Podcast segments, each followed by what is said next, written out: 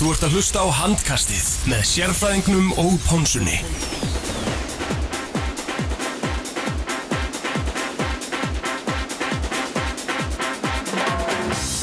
Jú, komið sæl og blessuð og velkomin í handkastið, HM handkastið. Við erum komin í milliriðil eftir frábæran sigur gegn Magedónum. Það er Teddy Ponsa sem hilsar ykkur og ég er með tvo frábæra gesti hérna með mér. Feðgar, FA Feðgar, Átni Stefán Guðjónsson, góðinu þáttarins og legendið eh, Guðjón Átnarsson fyrir landlismaru. Við tölum betur við þá eftir því við erum með góðan gest á línunni. Það er engin annar en, en uh, vinnu þáttarins Benóni Friðriksson. Hann talar frá munn hér. Sæl og blessaði Benóni.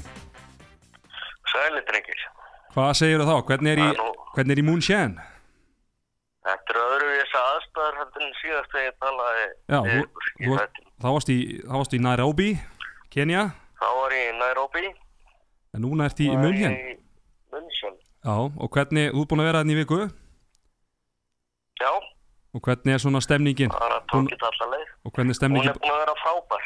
já, þú ert búin að fara á alla, alla leikin í reylakefni, Já. Og, og, og ég held að við séum búin að standa okkur bara þokkilega vel bara. já, þú dánaði með, sp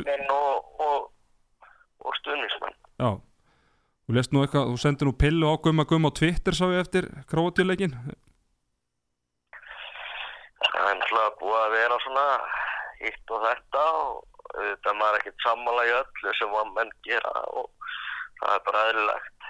já, það er bara, það er bara eins og, og það er, uh, en hvernig, uh, þið eru hérna góður hópur af- eigamönnum ekki satt? Jú, jú, við erum hvað 60 held ég frá eigin. Já, ekki nema og, og vantala bara í vatninu eða ekki?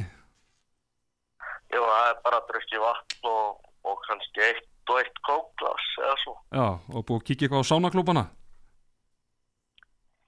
Nei, við erum nú ekki að standa í því. Nei, nei, nei. Þið kunnið ykkur eigamenn, uh, en hvernig er staðan? Ertu að fara að vera í millirinu líka? Ertu að fara til Kölnar? Ég held að veski leifi það ekki. Því miður, Býtu nú við, þú ert nú Kóta Prins. já, já. Það er búið, að rífa þessi í buttuna. Það er búið að rífa hans í byggna. En segjum byrni, hvaða leikmenn íslenska leysins hafa svona hrifið helst? Helst þá finnst mér Krist, hérna hann Kristjánsson, Gísli, Þorger? Gísli, Gísli Þorger. Já, Meðan er að koma sterkar inn í þetta heldur en að ég átti vona. já. Hann er búin að frábæra ykkur fleiri sem hafa heitlaði? Aron er náttúrulega bara búin að vera veikur síðustu 2-3 daga og Já, ertu með ykkur frekari, frekari hérna, frek, fregnir af því? Er eitthvað flensa búin að vera að blæða? náttúrulega sit, sit við hliðin á fóreldrum hans og það er búið að vera smá flensa Mhm. Og það er búið að vera að vera að ganga yfir hérna okkur íslensku stuðnismennina líka. Já, þú voru nú að gera greina mun á þingu og flensu bennunni minn. Já, ég, ég ger alveg greina minn á því sko. Já, enda þau lúanum maður. Já. En hvað svona uh, möguleikarnir fyrir milliriðilinn? Ég er bara ekki ágætt að hafa komist upp úr reilunum. Já, vinna, vinna brassana og kannski stela sér á móti frökkum með þjóðurum og þá kannski uh, erum við að uh, hóta í topp 8 jafnvel, topp 7. Ég er bara eins og ég sagði fyrir þetta, fyrir þetta, allt fyrir neðan 13 væri flott. Já, to- 12 pluss, það er bara komist í milliriðilinn. Já. Já, það er lauk, lauk er rétt hjá þér. Eru benunum minni, ég ætla ekki að Og hafa... svo bara liðið lítur ótrúlega svona promising út. Mm -hmm. Og dánaði með uh, ungu strákana sem er að stíga sem fyrstu skref. Já, þeir eru að standa sig virkilega vel. Já. En ertu með eitthvað slúður svona úr herbúum íslensku stuðnismanna? Hvernig svona, eru menna, er það að hittast alltaf á sama pöpnum allir stuðnismennir eða er þetta svona, er þetta sundu tætt? Get allavega að slegja á einu bettir sem að koma í handkastinu. Já, að Björgvin Páll sé á leiðin heim það er ekki að fara að gerast það er það bara með þá byggja það bara hans framistöðu þá á mótinu hinga til eða eitthvað Nei, bara uh, þegar talaði fáður hans. Já, já, já. En það gæti vel verið að komi eftir eitt og hálft ár. Ok. Hann þarf nú að flytta á endanum heim, einhver tíman. Ég menna að einhvern tíma hægt að koma til eiga til þess að vera alvöru, alvöru leikmaður. Segðu þið, segðu þið.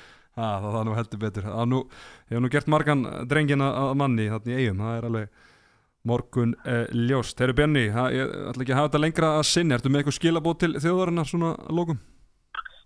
Það er bara áfram Ísland og haldum með. Glæsilegt. Eru Benny, ég bara handkast í skila kveðju til munjén. Herru, takk fyrir samtalið. Já, sumuleginur, heyrjumst. Bye bye. Blessaður. Heru, þá getum við haldið áfram með uh, þáttin og, og kynntin gestina. Uh, sérfræðingur Narnata Arnarsson sem er hérna yfirleitt með mér, hann er einmitt stattur í munn hér líka með, með honum Benoni og var á leiknum áðan ásamt leiknum á móti Japan í gær. En nú kynnum við uh, gestina Átni Stefán Guðjón Átnarsson. Guði, ég ætla að byrja á þér bara heiður að, fá því í þáttin langsins. Já, takk fyrir að bjóða mér. Já, já, þú mátt alveg gleipa mækin. Já, þú menna já, Já, já, takk fyrir að bjóða hérna, mér. Alveg svona, já, já. Það er alltaf gafin að tala um handbólta. Já, já, við erum búin að, búin að vera lengi á lista hjá, hjá Pónsinu að koma, koma í þáttinn. Uh, Gauði, þú ert fyrir um landsinsmaður. Ég fletti því upp, þú spilaði 43 landsleiki. Já, var svo margir já, takk fyrir það. 38 mörg. Ha, Fórstu eitthvað hvernig? Nei, ég gerði það nú reyndar ekki. Þetta voru- ekki. Það var ekki þegar við vorum á stórmóti á hverju einast ári. Nei, þetta voru svona bara leikir í, mikið í- reyndar í undirbúningi einhverjum fyrir stórmótin og svona, en ég fór nú, fór nú aldrei á þessi mót. Mm En svona, já, já, Hefðu þetta átt að vera, er það ekki típiska svarið? Jú, jú, algjörlega ég, Það var nú fyrir svona mína tíð en, en, en, en jú, ég pottið sko En hérna eitthvað svona leikur sem að á þínu landsliðsverðli sem stendur upp úr kannski? Nei, ekki þannig, það eru, mann auðvitað alltaf til fyrsta leiknum. mm -hmm. Hann er alltaf einhvern veginn, þetta er svo í öllu, það er alltaf að svona gerir fyrst er eftirminnilegt og mér gekk vel í fyrsta leiknum, held ég, mann ekki hvort ég held ég ákvað minni í hálfleik og ná einhverjum fimm laumum einhverjum og Það var móti hverjum? Varum út svíum, Já, faxi og, og kó, ég held að við sett öll þessu marka á faxa held ég með já, Þannig hérna, en ekki það, þetta voru alltaf bara æfingarleikir í kringu jól og svona, þetta er leikir sem skipta engum mál og ef ég man rétt á held ég það með þess að vera leikir sem að hvort liði nefnt að spila, þetta er eitthvað gamall samningur um að taka ykkur á tvo æfingarleiki og það var allir orðinni lúnir hann eftir, eftir hérna, ef ég man rétt ólimpileikana í Seúl 88, mm það var enginn enn að spila þessu, þannig að kannski var, var markasúpan vegna þess. Jú, En hvað ára þetta, þessi leikur? Þetta er 88 88 Já. Já, já, já, ég átnist Stefán og reikna, reikna nú, er 2018 Já, það er na- 2019 reyndar en það er 19, já, 2018 búið. Þetta er réttur um 30 ár síðan. Það er bara Ha. Þetta er glæslegt Herðu, Gauði, ertu með, við erum náttúrulega hérna í uh, samstarfi við 8FM og tökum upp á New Balance stúdíun og, og í bóði uh, Coolbet. Uh, áttu eitthvað uh, upp á slami áttunni Þú ég verð bara að viðkjana að ég gæti ekki einu svona nefnt eitthvað lag með áttunum þó ég ætti líf að veði því miður. Já, ég en ég heyri talað um það þannig að ég efast ekki um að þetta sé, sé hérna, skemmtilegt og gott en Já, þetta er alltaf bara ekki minn, minn tepolli sko. nei, það er bara það er svo það er, en, en eins og ég sagði, við erum í bóði Coolbet og þú hefur aðeins verið að leika þér með, með nokkru dúlu þar.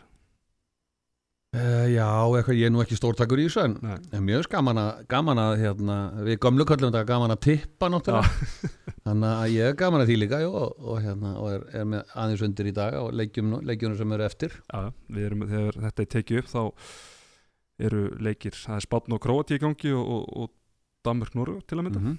Króatan er að vinna Spán núna með fjórum og, og Dan er að vinna Normen með fimm og þannig að þessi leiki verða vondi búni þegar við erum að ljúka tökum þannig að við sjáum svona hvernig millilirðinir e, líta út Mhm. en það er bara gaman að því heyrðu stráka Kulbett e, er búin að vera með skemmtilega leik núna þar sem að e, tipparar eins og Gauði kallar þetta geta eh, veðjað á hvaða lið verður heimsmystari lámar tíu eurur og þeir sem að veðja rétt komast í pott og þar verður dreigið úr ferð fyrir tvo, VIP ferð á Final Four í Köln, Það eru veglu velun það er vel velun þetta er vinningur að verðmati 500 skell Já, ha, því tók það náttúrulega sjálfsögðu báði þátt. Ég veit það. Uh, Átni Stefán, velkomin þú nú verið hérna og þekkir uh, hvert krók og kema hér í New Balance stúdíónu. Já, heldur betur, takk fyrir það. Ég var nú svona alltaf að býja eftir einhverju minni kynningu sko, þú búið að svaka kynning en þú gamla. Já, þú bara fegst hann á sínu tíma. Ég, Já, það er svolítið, það er bara fyrsta skipt og svo bara búið. Fólk, fólk getur hérna hlusta á bara fyrsta þáttin Já. í, síðan í höst, það getur það fegstið þitt. Það er ekkert eitthvað svona, veistu, minn landslýsferil og eitthvað svoleiðis eins og hann fær. Já, Það er var náttúrulega fljótt, því að- fljótt, það er að er því að veit enginn hver ég er. Já,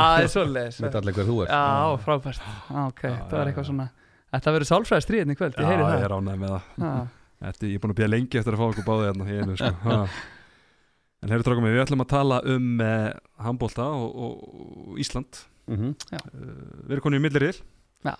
Eftir hennar frábæra frábæra sigur gegn Makedónum áðan við ætlum nú að eða mestu púrin í að ræða hann enda var hann svona make og break um okkar framhóld og við svona aðeins rétt skautum yfir uh, leikina mútið Japan hérna í kannski og já, fyrr í dag þá mættum við Makedónum og unnum frábæra sigur 24-22 þar sem að Arnóð Þór Gunnarsson var gjössalega frábær í sínum 100. landsleik með 10 mörg úr 13 skótum uh, næsti maður með 2 mörg, það var Ómar Ingi Aron Elvar Arnar Freyr og Bjarki Már. Uh, Björgum Páll með flotta leik í markinu 13 skot varin, 37% uh, vasla uh, Gauði ef við svona horfum yfirna leik, hvað svona þínum að þið skóp en að sigur fyrst og fremst? Allra fyrst og fremst frábær varnarleikur og, og samlega því uh, frábær leikur hjá Bjögga og það eru nokkur sem að þurfa já, við eru nokkur sem þurfum að geta sokkjun okkar í, í dag eftir hans framistöðu, sérstaklega í dag og hann var góður í síðasta leik líka. Þannig að hann er eh, hann er standundir þessu gamla viðnefna stórleikja Bjöggi og, og það er ljóst að án þessara markvist í dag þá hefðu aldrei, aldrei unnið hennar leik og í raunum ekki verið nálægt í en það má aldrei ekki taka samt af liðinu sem heilda Vör, varnarlega voru við þetta bara að mínum að þetta bara einfallega frábærir. Það er með geta að diskutera alls konar hvort að útvæslan á einhver átt að vera hins eða svona en, en varnarleikur var frábær og, og það er ekki á hverjum degi sem að Makedónia skorar ekki meira en þeir skorið í dag. Það var á móti litla unga Íslandi. Mm það er bara frábært sko. Uh, Átni, það er alltaf gaman að renni við tölfræði.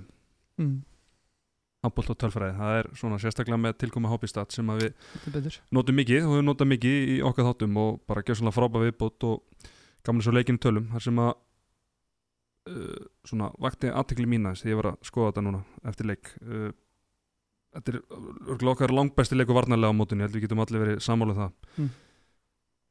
þeir náttúrulega spila Makedónunir uh, 7-6 allan tíman sem kannski þrýstur okkur aðeins aftar en við höfum verið að spila hinga til í mótinu sem gerir það að verkum að við verum hingað til með svona þetta 30 og allt upp undir 40 eða yfir 40 fríkvöst í leik nú erum við ekki með nema 20 mm -hmm. hendar okkur kannski bara betur ég meina með þessa stóru þungu þrista að vera örlítið passívar en við kannski verið í, í fyrsta leikum, eitthvað sem kannski eins og Lói Gersögur til, til að mynda töngla smikið á í, í, í háinstofunni Já, þú veist, svona já og nei. Það er hérna, alltaf búið að tala mikið um þess að vörð sem að gummi lagði inn. Ég man á, á sínum tíma uh, þegar ég var hérna enn að þjálfa hjá FA þá voru þessi gæjar að koma aftur til okkar að fyrstu landslætsæfingunum þar sem að vera að leggja vörnina inn og, og maður bara, maður þurfti að fá útskynningun eiginlega bara tvisvar á því þegar voru að lýsa vinnureglunum hvernig þið dyrði nánast bara hlaupið út í sko maður og mann alltaf þegar einhver aðgeri koma saman hvort þau eru leikir við einlýsingar eða hvað það er. Og það, þetta hefur ekkert litið vel út svona kannski stóru prófunum í þessum reyli hinga til. Og við sáum náttúrulega þarna uh, nú man ekki alveg hvaða leika var þess að þurftum að bakka aðeins niður um smá tíma þegar við fengum á okkur 7 móti 6 litum vel út þar og svo náttúrulega kemur þetta, þessi stóri leikur í dag þessum að vörninu þetta algjörlega gengur en veist, ég veit það samt ekki. Ef þú veist, svo getur vel verið ef við höfum prófað að bakka fyrir mótinu, hefðu bara verið skotnir í kaff þú veist, þetta er alltaf spurningum ef og hefði. En þetta leita allavega vel út í dag og hefur litið vel út þegar við höfum svona verið heldur nær línunni, heldur hann að vera rjúka meir út. Þannig að það er spurning hvort að Gummi Þóri kannski á móti liðum núna í millirilum sem að spila ekki 7 og 6 að svona gera okkur aðeins passívari og kannski erum við að spila meira á styrkleikum hjá kannski Strákis Varnari Frey sem var frábær í dag í hjartavarnarnar, algjörlega frábær mm -hmm. hann er með nýjulega stöðanir og, og svona stóð upp úr en uh, varnarleikurinn heilt yfir frábær það var svona eina sem maður getur sett út á mér fannst uh, í fyriráleik þegar þið voru að byrja árið sem það frá hægri til vinstri að manni sko var svona frábær slúttari mann sko, fyrir leikum að ræna ekkar löfin var að fá allt og góðu auðvelt færi svona, maður hefði viljað sjá Stefóra þjætta betur á, á, á hérna, yfir, þannig að í rauninni þannig að er ég aðeins þrengrað hérna vinstramenn á vellinum og eins fannst mér svona í byrjun fyrirálegs, nei byrjun setnihálegs fyrirgefið, þarna Taleski vinsturskittan fekk þrjú fjögur mjög auðvelt skoti yfir, flata vörn en það sem að vörni var ekki að hjálpa að bjöka neitt en svona fyrir utan þetta þá bara réðu helviti vel við og, og Kirill Lazarov, við oft séð hann til, til að mynda mun betri en, en í leiknum í dag Já, ég er alveg samanlega því og við auglustlega lögum svolítið upp úr því að stöðva hann, hann alltaf sá maður sem fær alltaf mest aðtikli hjá þeim, sóknarlega. Og maður sá líka hefur voru klókir enn í byrjunleiks, voru með línumenn að tvo sko meira eh, vinstramein, þannig að við vorum raun og alltaf með elvar þá lausan á móti Lazarov til að byrja með. Og það þýttir náttúrulega raun og alltaf að, að, að hérna, Arnar í þristinu þurfti svolítið að vera svona með annar fótinn alltaf tilbúin að hjálpa þar. Þess vegna held ég að þessi öðvöldu mörk hafi verið að koma aðna hínum einn og það var kannski bara svona ákveð óöryggi yfir okkur í byrjunleiks þetta er Þetta er alltaf öðruvísi að spila 6 á móti 7, sérstaklega veist, heilu og hálfu handbólta leikina. Þannig að ég held að það bara tekið okkur smá tíma að komast inn en svo sá maður greinlega bara að eftir þetta fór að smetla þá náttúrulega var það við erum bara miklu hreyfalegri, menn eru miklu svona aggressívari og ég alltaf að segja það, mín skoðun á þessu í þessu dæmi að bakverðinu þurfa að vera okkar virkustu menn ógna svolítið alltaf að vinna á, á miðjumannin þegar skiptundast ykkur megin eru með boltan fá híki þar og sendinguna og þá fáum við tíma til að bregðast betur við. En ég er alveg samanlösu með, með steppa og eiginlega hotnamenn er kannski báða, þetta er alltaf erfitt en þú verður svolítið að, að fara út úr komfortzónu sem hotnamæður í svona vartaleg þú verður að vera tilbúin að mæta svolítið framar á skiptuna, vera svolítið hótandi og, og setja boltamærin undir pressu. Mm. Gauði sóknarleikurinn hjá okkur uh, byrjaði mjög styrpursalega, við erum búin að skora held í tvö mörg eftir nýju mínútur og ég held að þau hafa verið bæði ef við minnir rétt yfir völlin í, í tóntmarkið mm -hmm. það var bara localize en, en svo kom líkillin sem opnandi alls saman Gísli Þorki Kristinsson, má ekki segja hann svona breytti svolítið svona vítinu og tempóinu sóknarleiknum hjá okkur. Bara, kom, sem gera það verkum við bara komast aftur inn í leikin Algjörlega, það er það er uh, það var náttúrulega sínlegt alveg að, að sóknarleikurum var hegsta og ég held að sko aðal faktor þar held ég að einfallega bara verið spennustíð menn voru bara spenntir og við sáum það bara í það var svona híkjöldlu menn voru svolítið í svona hvað maður að segja menn voru að fara svolítið vallega fannst mér oft sko. En, eh, en gummir klókur hann er fljótur að lesa fljótur að sjá hvað er í gangi Ómar Ingi átti aldrei breyk í þessu leik svona því að hann vil spila hann að kontaktbolta og og hann er bara ekki hann er frábæð leikmær en, en á móti svona trukkum og þá, þá á hann í erfileikum og síðan kemur gíslinn á og þá náttúrulega sjálfsögur breysa þar kemur sér hraði sem við þurfum til þess að, að opna svona þunga gauðra sem að vilja helst bara standa sem mest og, og mæta okkur þannig og það var ekki bara það að gísli væri að tæta í þeim og komast í gegn og hálf komast í gegn hann var líka að, var mjög klókur því að losa boltan oft og búið þannig til færi þá hínum einu á vellunum fyrir, fyrir aðra, fyrir Aron og, og, og Arnóri hotnunu skorar örgleikur allavega þrjú ef ekki fjögumörk vegna þess sem gíslar að gera í skittunni vinstrami mm -hmm. og það er svona kannski ekki allir sem áttis á því en, en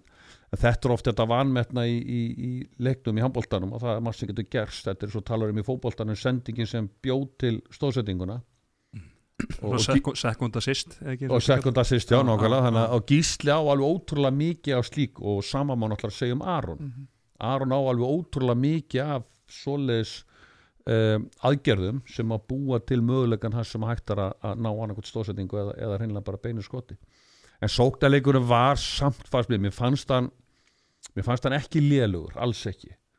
Hann var bara við vorum auðvitað að reyna að fara vel með sóknindun okkar en við vorum að spila lengi, við vorum kannski ekki að taka mikið á svona þessum óþarfa 50-50 sjönsum eins og við gerðum á móti Japanunum sem að gera það verkum að sóknindun leit ítla út þó að sóknleikurinn okkar í dag hafa ekkert endalega verið frábár þá leita hann ekkert ítla út. Var, við, vorum að, við vorum að reyna að hanga svolítið við vorum að reyna að búa til og, og leita svolítið að okkar, að okkar góðu færum.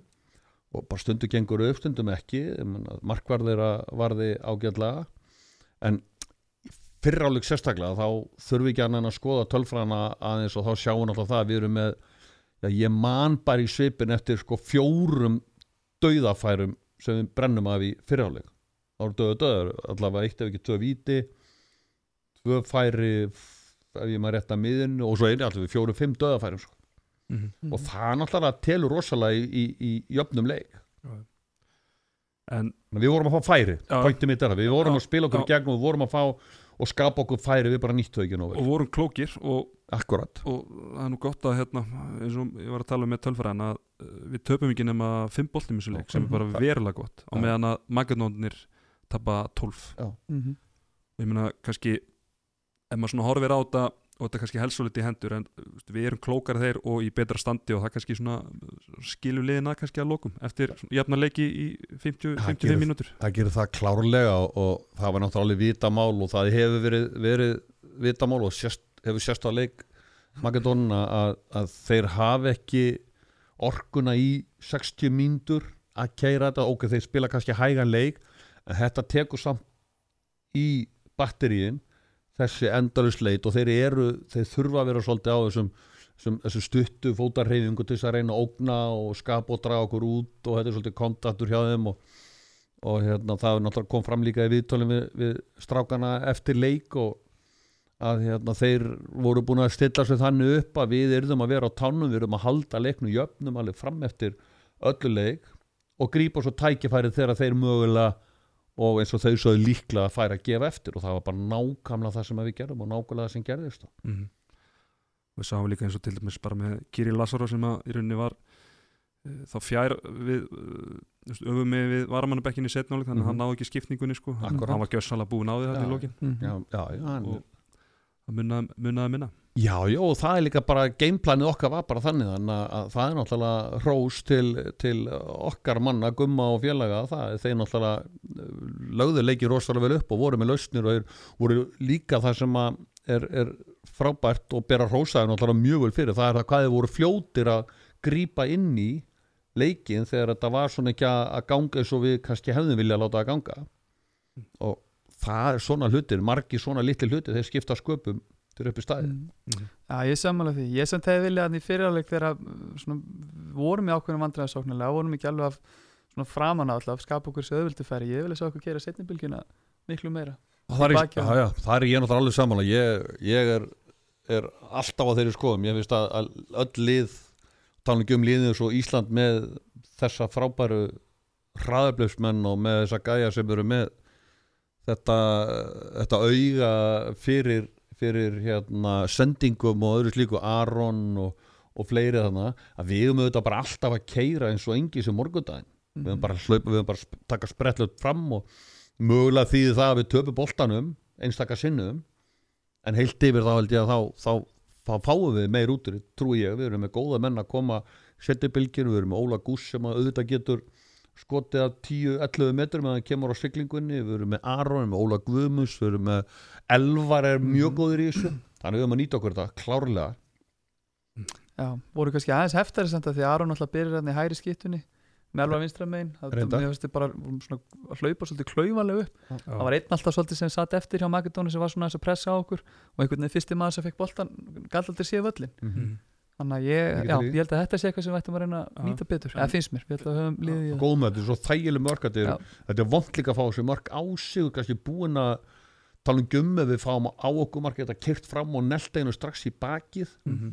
eða, eða unni boltan og, og skora þetta eru hraðbjörnsmörg er alltaf góð mörg að skora. Það er vond að fá á sig. Elvard Jónsson sérstaklega öflur í sí setnum, hann var kannski vandraðum í uppstiltu sónhæleikarna til að byrja með en, en hann er að koma með þessi í setnum algjörlega. og bara frábær í því, hefur sprengikraftin í það af því að Aron alltaf yfirleitt dregur mestu aðdeklina til sín, það var gott að vera með svona strák sem að, og hann líka bara verið með hrósa honum, hann var algjörlega óhrættur Alveg sama gjörsamlega. hvort að skoti undan var búið að klikka að færa í neti, hann var alltaf tilbúin í, í næsta. Já. og var góður líka varnarlega í dag í, í bakgrunum algjörlega, heyrðu, ef við ræðum aðeins bara framistur einstakra leikmanna, við byrjum bara að sjálfsögðu á Arnari Þór Gunnarsinni í sinni hundrasta landsleik. Tíu mörg og bara gislaði einhvern veginn á- hann sko. það var bara, Já, hann, og, hann og svona dróu svolítið þessa íslensku geðviki eins og við köllum Já, algjörlega, hann, ég held sko var ekki fyrsta marki þessi leiknum hann þegar hann skora beint úr yngastinu Dúndra, já, Dúndra, já, dúndra langt Fyrst, yfir fyrst eitt svona laus og svo stuttu eftir hann að neglan hans já. og eftir það náttúrulega var þetta bara ekki spurning ég held að það hefði bara kveikt í honum. Mhm, svo hann hefði unnið, hann hefði væntalega unnið hérna, þeir eru nú miklir NFL gæjar báðið til, hann hefði unnið hérna, NFL tölfræn hérna, með Jardits hérna, sendingar já, Já, já, já. nákvæmlega. hann hefði væntalega unnið þá tölfræði Já, auðvitað í já, dag. já. já. Svo er reynda talandu það, hann er sláandi líkur aðþjálfara St. Louis, nei hérna Los Angeles Rams er fyrir áhuga sama sem vilja googla það var gott, hann gæti séða smá tíma í landsliði það er stórleikur um helgina Nei, Arnó var einfallega bara hann var, eiginlega, hann var bara með leik upp á tíu í dag Mhm. ok, hann klikka á tveimur vítum en á móti kemur að hann Náðu setur svo þarna. víti á öfur stundu þegar við mest þurftum á að halda Já. og eiginlega fyrir utan þessi víti þá, þá, þá, þá, hann sló ekki feilpúst allan, allan leikin magnaður leikur hjá hann gjörsanlega En eru það er ekki að hérna, Gunni Mall, kongurinn í síðuskóla, húsverður í síðuskóla, það er ekki að fara að reysa stitt og honum bara fyrir hans framlag? Til Ah, hljóti Aron bara Einar Gunnarsson og Arnóð Þór Gunnarsson. Það er bara hljóti að vera. Samt er- ekki kannski fyrir dómarahæfileika við þekkjum það nú. Það er hvernig vel að að en, en að ekki. öðru leiti er hans framlag frábært Já, til hann handbolta. gerir margt betur en að dæma handbóltaleik sorry Gunni. Ómar Ingi uh, hann spilar fyrir áleikin og á, setur hann eitthvað tvö mörg uh, hann spilaði lókin líka ekki? Á Nei, Nei, Teitur spilaði Teitur kláraði hann. skorar hann tvö mörg Ómar. Uh, Teitur kemur inn fyrir hann í háluleik, er ekki bara svona var þetta ekki svona kannski, ég veit það ekki kannski vantaði meiri skotdókn eða hvað gummi Fyrir, fyrir mér var þetta mjög eðlileg, eðlileg já. skipti Já, já, algjörlega Við höfum enga að tapa, Ómaringi var búin í erfiðleikum Hefur jafnvel kannski bara mátt koma fyrir Mátt koma fyrr. Mínum Það sem að breytist nummer 1 og 3 fyrir mér er náttúrulega það að boltinn fekk að ganga betur. Hann flaut betur með teiti. Mhm. Teitur er ekki alltaf í þessum ára sem alltaf í, í hérna kontakt fintonum og, og því öllu saman að hann var að koma boltan hraða frá sér og það náttúrulega bjóð þá líka til betur möguleika fyrir gísla hinum einn að fara einn og einn eða Aron eða þegar hann var þar að því að bolti gekk hraðar yfir staðan fyrir ómuningi vill svolítið fara og hann fyrir svolítið mikið og miðjun hann, hann var að þrengja meira Mhm. og svo alltaf var flott en Teitur náttúrulega setur eina neglu þarna í byrjun Já, hann byrja bara að Bara stóðsetningu og, og svo markina og svo Martína svo Já. neldi bara og það náttúrulega að gera það verkum og þá náttúrulega að vita Magidórun til það að það þýðir ekkert að spila passíft á hann mm. en þá var hann búin að binda strax varnamann aðeins framar og heldur honum þar með því að, vera ekki að sækja hann á miðina og þá náttúrulega opnast hinnum einn og upp úr þessu fór að koma eins og við munum eftir meira línu spili og Mhm. öðru slíku það eru það er búið að ganga ágætla í 60 ári handbólt að tegja á vörnum anstæðingana Já, nákvæmlega. Þeir voru náttúrulega líka klókir Magedón, við verðum að gefa það búin að teikna okkur greinlega vel upp að byrja í sér framleiki eftir 5-1 vörn. Vitandi það náttúrulega að við erum búin að vera að búin að loða svolítið við okkur á mótun að sækja mikið inn á miðuna. Við höfum lítið náða að stimpla og opna fyrir hotnin og fara breytt með 1 og 2 þannig að við spilum svolítið upp í fannst mér svona upp í erminna lengi vel í fyrirháleik með það. Og, og Ómar náttúrulega eins og við vitum bara frábærið því sem hann gerir en hann svona aðal svolítið er að koma það ekki langt inn á miðuna og vera með hendina lausa að leita á opnunum en Mm. hann alltaf bara allt loka taka þessu óvæntu skot. Já, já, uh, Ára Pálmarsson, hann er með tömur 6 skotum, 5 sköpu færi. Uh, við náttúrulega viljum sjá meira frá Aroni Sóknarlega en samt sem áður hann er að koma með svona mörg og stóðsendingar á gríðilega mikilvægum mómentum í, í leiknum. Já, já, algjörlega og bara er það ekki bara styrklingamerki fyrir liðið að hann sé ekki að skora nema tvö mörg og við erum samt að vinna veist, svona úslita leik eins og þennan? Og er búinn að vera glíma við einhverja flensu. Já, nákvæmlega, og alltaf kannski ekki alveg alveg heilt heilsu og við náttúrulega getum bara yfirfært þetta líka svolítið bara yfir á ef við tökum hann Óla Guðmunds og kannski bara hotnin með Steppa og Bjarka ég held að við séum það með, við, fjögur að fimm mörg af öllum vinstri vagnum í leiknum? Held ég að hafi Eh, talið saman. þetta eru 6 mörgur 17 skotum tels mig til. Ná, nei, mörg, nei já. 5 fimm fyrir ekki. Fimm úr- já, nákvæmlega. Það, þú veist, ég menna ef maður hefði skoðað tölfræna þannig veist, fyrirleik, þá hefði maður ekki verið bjartur, eða þetta? Nei, í sjálfsvegar ekki. Já. en svo náttúrulega kemur þetta líka einhvern veginn þannig þetta spilast einhvern veginn þannig leikurinn að, að það er að opnast þarna hægra megin og, og, og eins og segir réttar að svo kemur Aron með sitt framlaga mest að megna því er að koma kannski í restina og tímum bútið sem við þurftum virkilega að fá eitthvað línusendingu þarna eina og, og einhvern veginn bara já, hann, hann veit að best sjálfur að hann getur spilað umtalsveit betur heldur en hann gerði í dag. Getur verið aggressífur að mér finnst það svona pínu passífur og, og virkaði svona einhvern veginn já. Þú veist auðvitað vitum við núna hann er kannski búin að vera eitthvað, smá lumbra í honum þannig að- að hérna þá var náttúrulega ertu ekki með fulla orku. En hann gerði bara fínt og, og, og kannski var jákað líka. Og hann er þá ekkert endilega að rembast of mikið. Mm. Hann hefur líka þannig eiginlega, hann er náttúrulega mikla leikreind hann er leið og hann sér til dæmis eins og það er að ganga vel hjá Ar Arnór í hotninu og svo kallar kolli og, og strákvændin í vinstra hotninu er að setja þá náttúrulega bara spilar hann upp á það og gera það sem að getur til þess að koma boltan og þanga sem mest. Það eru þessir flottu gaurar það eru þeir sem að oft ráða úslitum með sínum ákvörun og þó að það sé ekki endilega stóðsettingin mm algjörlega. Uh, Elvar Örn voru búin að ræða hann aðeins áðan en svona uh, ef við tök, tökum svona hann er bara heilt yfir á mótinu hann, hann er að stimpla sig uh, frábælega inn á sínu fyrsta stórmóti. Já, algjörlega og maður var náttúrulega sé nú kannski ekki stressaður en kom svolítið óvart að sjá að, að trösti sem að gummi ber bæði til hans og einstu gísla líka að taka þá með sem svona kannski þess að tvo eiginlegu leikstjórnendur sem að myndi mest mæða á.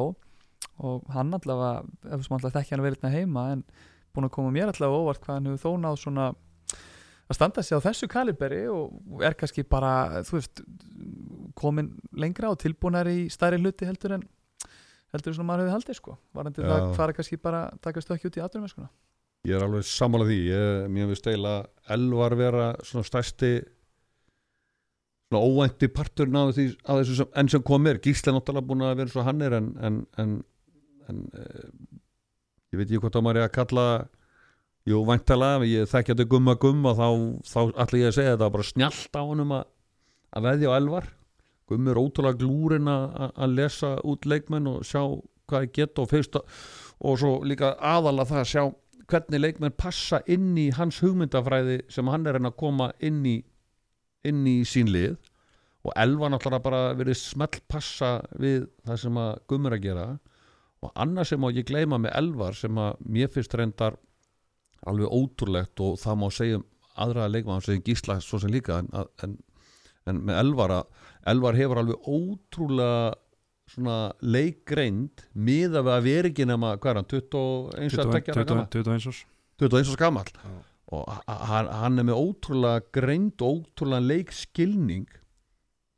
Þó hans ekki endur að þú veist, margir halda þú veist, það hafa góða leikskilning það er að dæla endurstöf inn á línu sjá línumannin og dæla hann það er ekki bara það, eins og ég er búin að segja þetta fyrr, að það er líka þetta að, að fara í árásir og vita hvor, hve- hvenær þú átt að senda boltan á næsta mann, í hver áttun út að fara ert að taka auka skrefið, ert að ógna aðeins lengur ánu losa boltan mm -hmm. og hann hefur þetta allt saman upp á tíu og, og þess vegna er svo mikið að gerast í kringum hann þegar hann er að, er að spila vel Mhm. Hann, hann er búið að vera svona uh, kom nú frétt um daginn það sem að kom fram að hann sé búin að semja við lið úti og hann var aldrei komið aldrei við staðfest svona hvaða lið það er að sérfræðingurinn hérna, hann sagði að vera hann og er Búrdorf og svo var hann búin að heyra skern og, og nýjasta er að Kristján Andrisson takja hann til uh, Ræneka Löfn Já, im Deutschland. Já, hvað svona, Gauði, hvað skref myndur vilja sjá hann taka uss, á þessu stíi ferilsins? Er Rænekar kannski of stórt stökk strax eða myndur vilja sjá taka þess minna skref eða? Ég er náttúrulega alltaf fylgjandi því að menn taki stökki sín svona eh, frekar fleiri en færri upp á toppin en eh, eftir að hafa hort á hann að þessu móti þá, þá myndi ég ekki træðast það þó að hann færi allarleið strax og færi hvað sem að það er löfin eða, eða hvaða svo sem lið það er. Hann er bara tilbúin þetta og við sjáum það að hérna, sem að hann hefur umfram kannski flest og jafnvel alla af þessum ungu leikmenn sem við verið að sjá fara erlendis undanfærin ára hann er bara fullkomlega tilbúin til dæmis til að spila vörn á móti Mhm. öllum þessu stóru gæjum sem eru þarna á HM Já. það er bara svolítið og það er, það er frábær eiginleiki og eftirsóknum verður og er strax kannski að fara að koma honum lengra þá upp á spiltíma að gera heldur en heldur en hérna leikmaður sem er kannski betur sóknarlega og, og, og getur litla sem enga vörð spila þannig að það er- verður spennandi að fylgjast með því. Þetta lítur nú að fara að koma í ljós fljótlega, þetta Já, Þú erum þarf að fara að virka þína heimildamenn Já, eitthvað betur. ég þarf bara að fara að Já. að virkja minna heimildamenn á Selfossi þá Já, verð ég með þetta klárt í næsta þetta ekki spurning, þegar Arnar Freyði voru búin að ræða hans framistu áðan.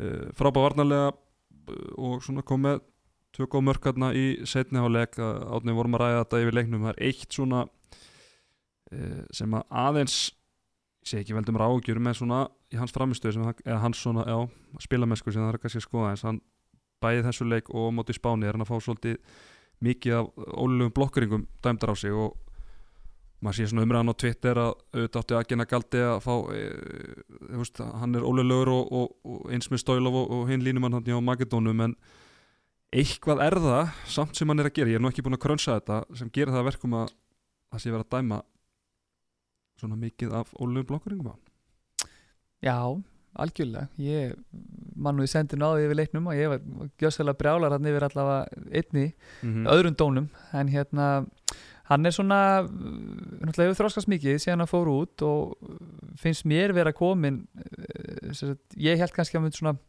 er þið komin lengra sóknar núna heldur en varnarla en hann er komin tölvöld lengra varnarla finnst mér í dag og ánáttúrulega bara eftir að taka út hérna, meiri þroska sem sóknar línumæður sérstaklega varnarlega þegar hann fær að vera aðeins þessi svona aðeins passífari. Algjörlega, algjörlega þegar hann þarf ekki að vera rúk eitthvað langt út á völlin nýta bara hæðina og, sinn styrk þar.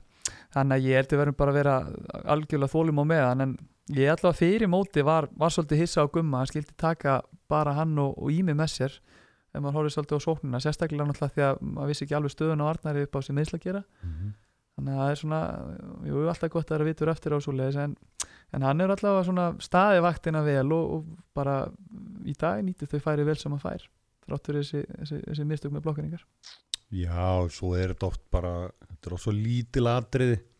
Hann er hann er að vaksa sér sóknarmar, það er ljóst en, en þetta er oft svona finnst það oft að vandra öllítið sundum upp á svona tæminguna á blokkiringunum þú veist, hann er svolítið að fara Já, harkalega svona í meiri, meiri svona mýkt og svona Já, og svona bara þarf er ekki að fara í blokkiringunum sko, og skella sér alltaf utan í varnamanni skilið það pl planta sér og láta planta sér bara að láta hlaupa sig. varnamanni skella sér, hann er svolítið að láta finna fyrir sér og vera svolítið svona stór og fyrirferðar mikill og það vill oft vera svolítið klaufalegt og ég held að sé bara allavega hann önnur ólögulega blokkiringin var í mínum huga klárlega rétt, réttu dómur. Hinn og svona vafasamar en, en þetta er svona atrið sem er auðvelt að þjálfa úr sér og, og, og ekki til þess að hafa áhyggjur af hann og eftir að laga þetta og, og vaksa sem sóknarmar, það, ég held að ég, ég samfærður það. Já, já, absolutt. Erum vinstur hótni, við tökum það bara í uh, einni beitir, spiluðu sekund hálfleikin Bjarki Már Elisson og Stefán Sigumarsson skorað þrjú mörg úr átta skotum. Uh, búin að vera flottur á þessu móti hinga til. Þetta er kannski svona fyrsti leikurinn sem við hugsaum svona, já, kannski sögnu Guðvarsval vals eitthvað pínulítið. Já, já, þú veist eins og- Samt ekki, Nei, samt samt ekki, ekki, nei. ekki, eins og sögum að þú veist, það er alltaf, bara oft alltaf, dagur hjá þeim alltaf gott að vera vitur eftir á eitthvað svo leiðis en meina, að Gauði var var bara mittur skilur og þú veist, það var ekkert annað í stöðun að gera og þú veist, ég held að þeir alveg eins og aðrir í liðinu geta alveg oft sína oft daga og ég hef ekki bara segja að þetta hafi verið eins og þú segir, bara þeir eru off leikur í dag Mhm. Það var, En eiginlega- það var hérna- samt ekkert, það var ekkert í þessu þannilega óeðlegt þegar það var auðvitað oft nýtt færi sín já, betur. já, já, já. en það, eins og segja, það lenda allir í því að, að skora ekki úr færum og Mhm. Og Ristovski, frábær markmaður, frábæru sko. markmanni líka í dag hann það, fyrir utan sko og, og, og, og það hefur, ég held að hafa, það hefur ekkert upp að fara að tala eitthvað um að það hefur verið gott að hafa einhvern annan, það er alltaf að gera það þegar einhver á, á oft dag og, en þetta er bara, þeir eru flottir að það sama frábærir og, Mm. og uh, ég er mjög ánæður að þið skulið vera þarna saman, þeir eru báðir heimsklassar leikmenn og, og við þurfum ekkert að ágjöra þessari Hvernig varstu fullir virðingu að sjálfsögðu fyrir, fyrir Guðjón? stórmeistaranum í, í hóðinu Já. Guðjóni Vali. En uh, já, þetta er svona klálega svo staða sem við kannski máttu mest við einhverjum skakaföllum er náttúrulega gríðarlega breytt breytt Þú eru bara engar ágjör að hafa á þessu stöðu Það er bara nei. nákvæmlega. Og bara- En hvernig varstu víti hvað hjá Steppa þannig setnaðaleg Hvað segirðu, hvernig? hvernig varstu víti á Stefánu Rafni Má, má blóta í þessum þætti? já, já, það er allt leifilegt Ég allavega blótaði alveg eins og brjálaði einhver heima og saði svona ímyndilegt sem að maður segir svo sem ekki útvarp en, en Í ef hita það gefur einhver að mynda þá er þetta svona orð sem að maður notaði stundu þegar maður er að tala um haukana í gamla Já, daga. maður rifjaði upp haukabakurinn en það beint þetta Já, var ekki? það það er ekkert með bakgrunn Stefáns að gera sem, ekki neitt, neinum, ég er steppi frábár steppi góða drengu, ég þekki steppa og, og hann er, hann er frábær náungi og frábær leikmaður frábær leikmaður og, og ég veit að hann hefur gaman að því að, að vera svona smá töffari. Og allt er lagi, menn, þú, þú kemst ekki langt í íþróttu nema að vera töffari. En í mínum huga er það bara algjörlega þannig þetta var ekki mómentið til þess að vera með töffaraskapin að þetta að- að- þetta öllannu víti að koma heldur en akkurat þetta á markmann sem að aldrei fer niður. Bara horfið á leikin aftur hann fór aldrei á rassin, allan leikin Mm. hann var aldrei að fara að gera það í þessu víti heldur Nei, bara reynsli mikill og bara lasi þetta. Æ, ég er búin að fyrirgefa honum. Já, þú Já, erum já. fljótur að fyrir ekki það, það er sjálfsög Já, Klart mál, heyrðu, Óli Gúst uh, hann skorar held ég sitt fyrsta mark á mótinu og já, bara stendur vartalegin vel á samt Arnari Bara algjörlega. Bara- Já, já. já bara, og Bara bara, unaður að fá að sjá bara Óla Gúst aftur á þessu leveli á þess að vera einhvern veginn skítrættur um að sé að fara dett út sko, nú, húst, nú er að mittur, nú er að mittur, nú er að mittur bara Mhm. búin að vera bara hvað, bara límið sem heldur þessu varnarleik saman Nei, það ekki, ég er bara það? algjörlega sammála því Já. það er bara Óli Gústi er eiginlega þessi gæi sem að okkur hefur vantað undanfærin ár Mhm. menn að vera að tala um erfiðleikana í varnarleiknu núna í nokkuð mörg ár og, áður en að gummi byrjar að geiri var með lið þegar geiri var nú í þessari leita að, að miðju parinu sínu og, Óli er náttúrulega þá alltaf meittur og, og hérna en, en, en hann er náttúrulega bara búin að vera heilt yfir þessu mótir, hann er bara búin að vera einfallega frábær og og, og uh, það má nána skalla það, má ekki glemja því að má nána segja Óli sé reynslulegs landslismæður þó hann sé nú búin að spila eitthvað landsli, landsleikjum. Mhm. Það verður greiða upp með meðsli hann er búin að vera mjög óopinn, mjög og hérna, en, en hann er aldrei að sína okkur í dag úr hverju hann er, úr hverju hann er gerður og, og ég vil sjá bara Óla Gussói taka næstu skref og gumma hjálpunum því að fara að gera hann að sókna manni líka og meðan að Óli var ungur yngri og heil helsu þá voru fáar eh, betri svona eh, stórskittur heldur en hann. Mhm. Það Ég verður til að sjá hann líka svona aðeins meira að, nei, svona setnibilgjuvopn heldur en Já. verið á skilur til. það er í algjörlega sammála. Hann er hann var sérstaklega og ég held að sé það en þá manna, hann var góður skottmaður. Já, já, mjög fastur og, og hoppaði hátt og svona sko. Já, já. skaut fast eins og flestir erfæðingar Það var líka frábært að fylgjast með hann í þessu leik og úst, ef, að, ef einhver hann sem er út að hlusta allar að kíkja á einhver endursýningu á leiknum að þá væri gaman að fylgja svolítið með Óla sérstaklega varnarlega hann í 7.6 Mhm. þessi, þessi skýta vinna sem hann er að vinna sem að kannski maður tekur ekki alltaf eftir endalust að fara út og hóta detta niður, forvinna línumannin garga menn til og frá vinna, Ja, bara vinna sendingar vinna sendingar, þú veist, þetta bara og frábær, frábær leikur hans sjálf og hann, maður sér það líka, hann er í miklu ábærlutur ekki hjá Gumma, hann allir, við svo vorum að ræða hann yfirleitt í vartaskiptingunni, Mhm. er að taka við skilabóðum sem að þarf að koma og svona á völlin og Hann og Tómas Svensson er alltaf í, í hann í- og Svensson í, í miklu samræðum samræðum alltaf þarna þegar og er í þessu líka því að við, við þekkjum nú Óla úr, úr kriganum að- og vitum það að Óli er náttúrulega hérna, töffari í eðli sínu, mikill töffari já, já, já. og svona í mjög jákværi merkingu þá er hann hrokkagekku sem er náttúrulega ótrúlega góður eiginleiki fyrir íþóttamann þannig að þetta er alltaf bara svið þar sem hann nýtur sín alveg ótrúlega vel þarna það, hann vera Hann er alltaf til í banderinn og svona akkúrat, hann er alltaf- saka menn maður vera að dífa sér já, og, já, og, og, og gefur ekki sko, já. gefur engu manni nokkur nokkra tommu eftir sama hver á í hlut og hvað þessi gæjar heita Já.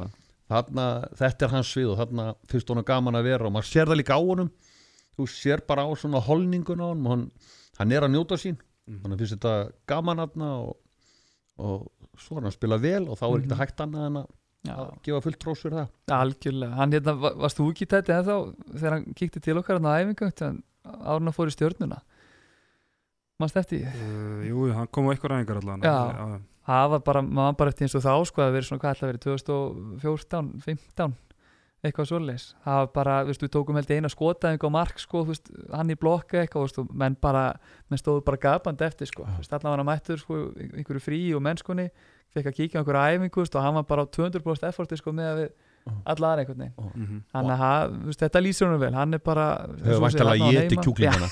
Á kjúklingarna alltaf lifandi og, veist, og Dóri var alltaf bara mættið með samningi klára sko. en þetta er nákvæmlega, þetta lýsir Óla vel og það er bara, veist, bara gaman fyrir mig og vondi fyrir fólk líka núti að fá að sjá hann sjá hann heilan heilsu að njóta sín að spila bara algjörlega.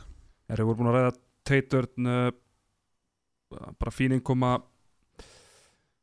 Gauði, var rétt að taka hann með að höfðu vilja sjá Rúnar Kárasson frekar? Mér finnst þetta hárrétt. Ég, hérna, ég sagði reynda fyrir móti þá sagði ég að ég vildi uh, skilja Rúnar eftir. Því miður Rúnar er, er, er, hörku í góðu formi og, og í standi er hann, hann hörku skitta sem að nýtist okkur í að koma inn á.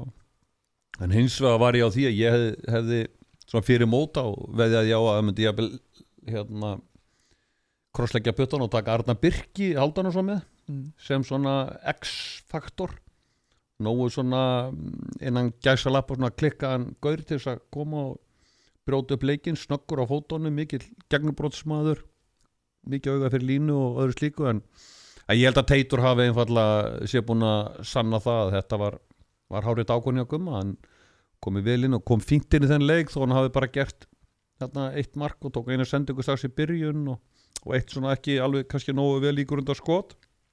En hann held boltanum fljótandi, held bolta ganga vel og ég held að hann hafi einfallega gert bara sem gummi saðunum að gera. Já, nákvæmlega. Og það er náttúrulega eigileiki sem að Þjálfar ránaði með það. þjálfar Já. ránaði með og ég tala um gum þjálfar eins og gummi sem eru svona vilja að kerfi sitt haldi alveg upp á hundra Nákvæmlega.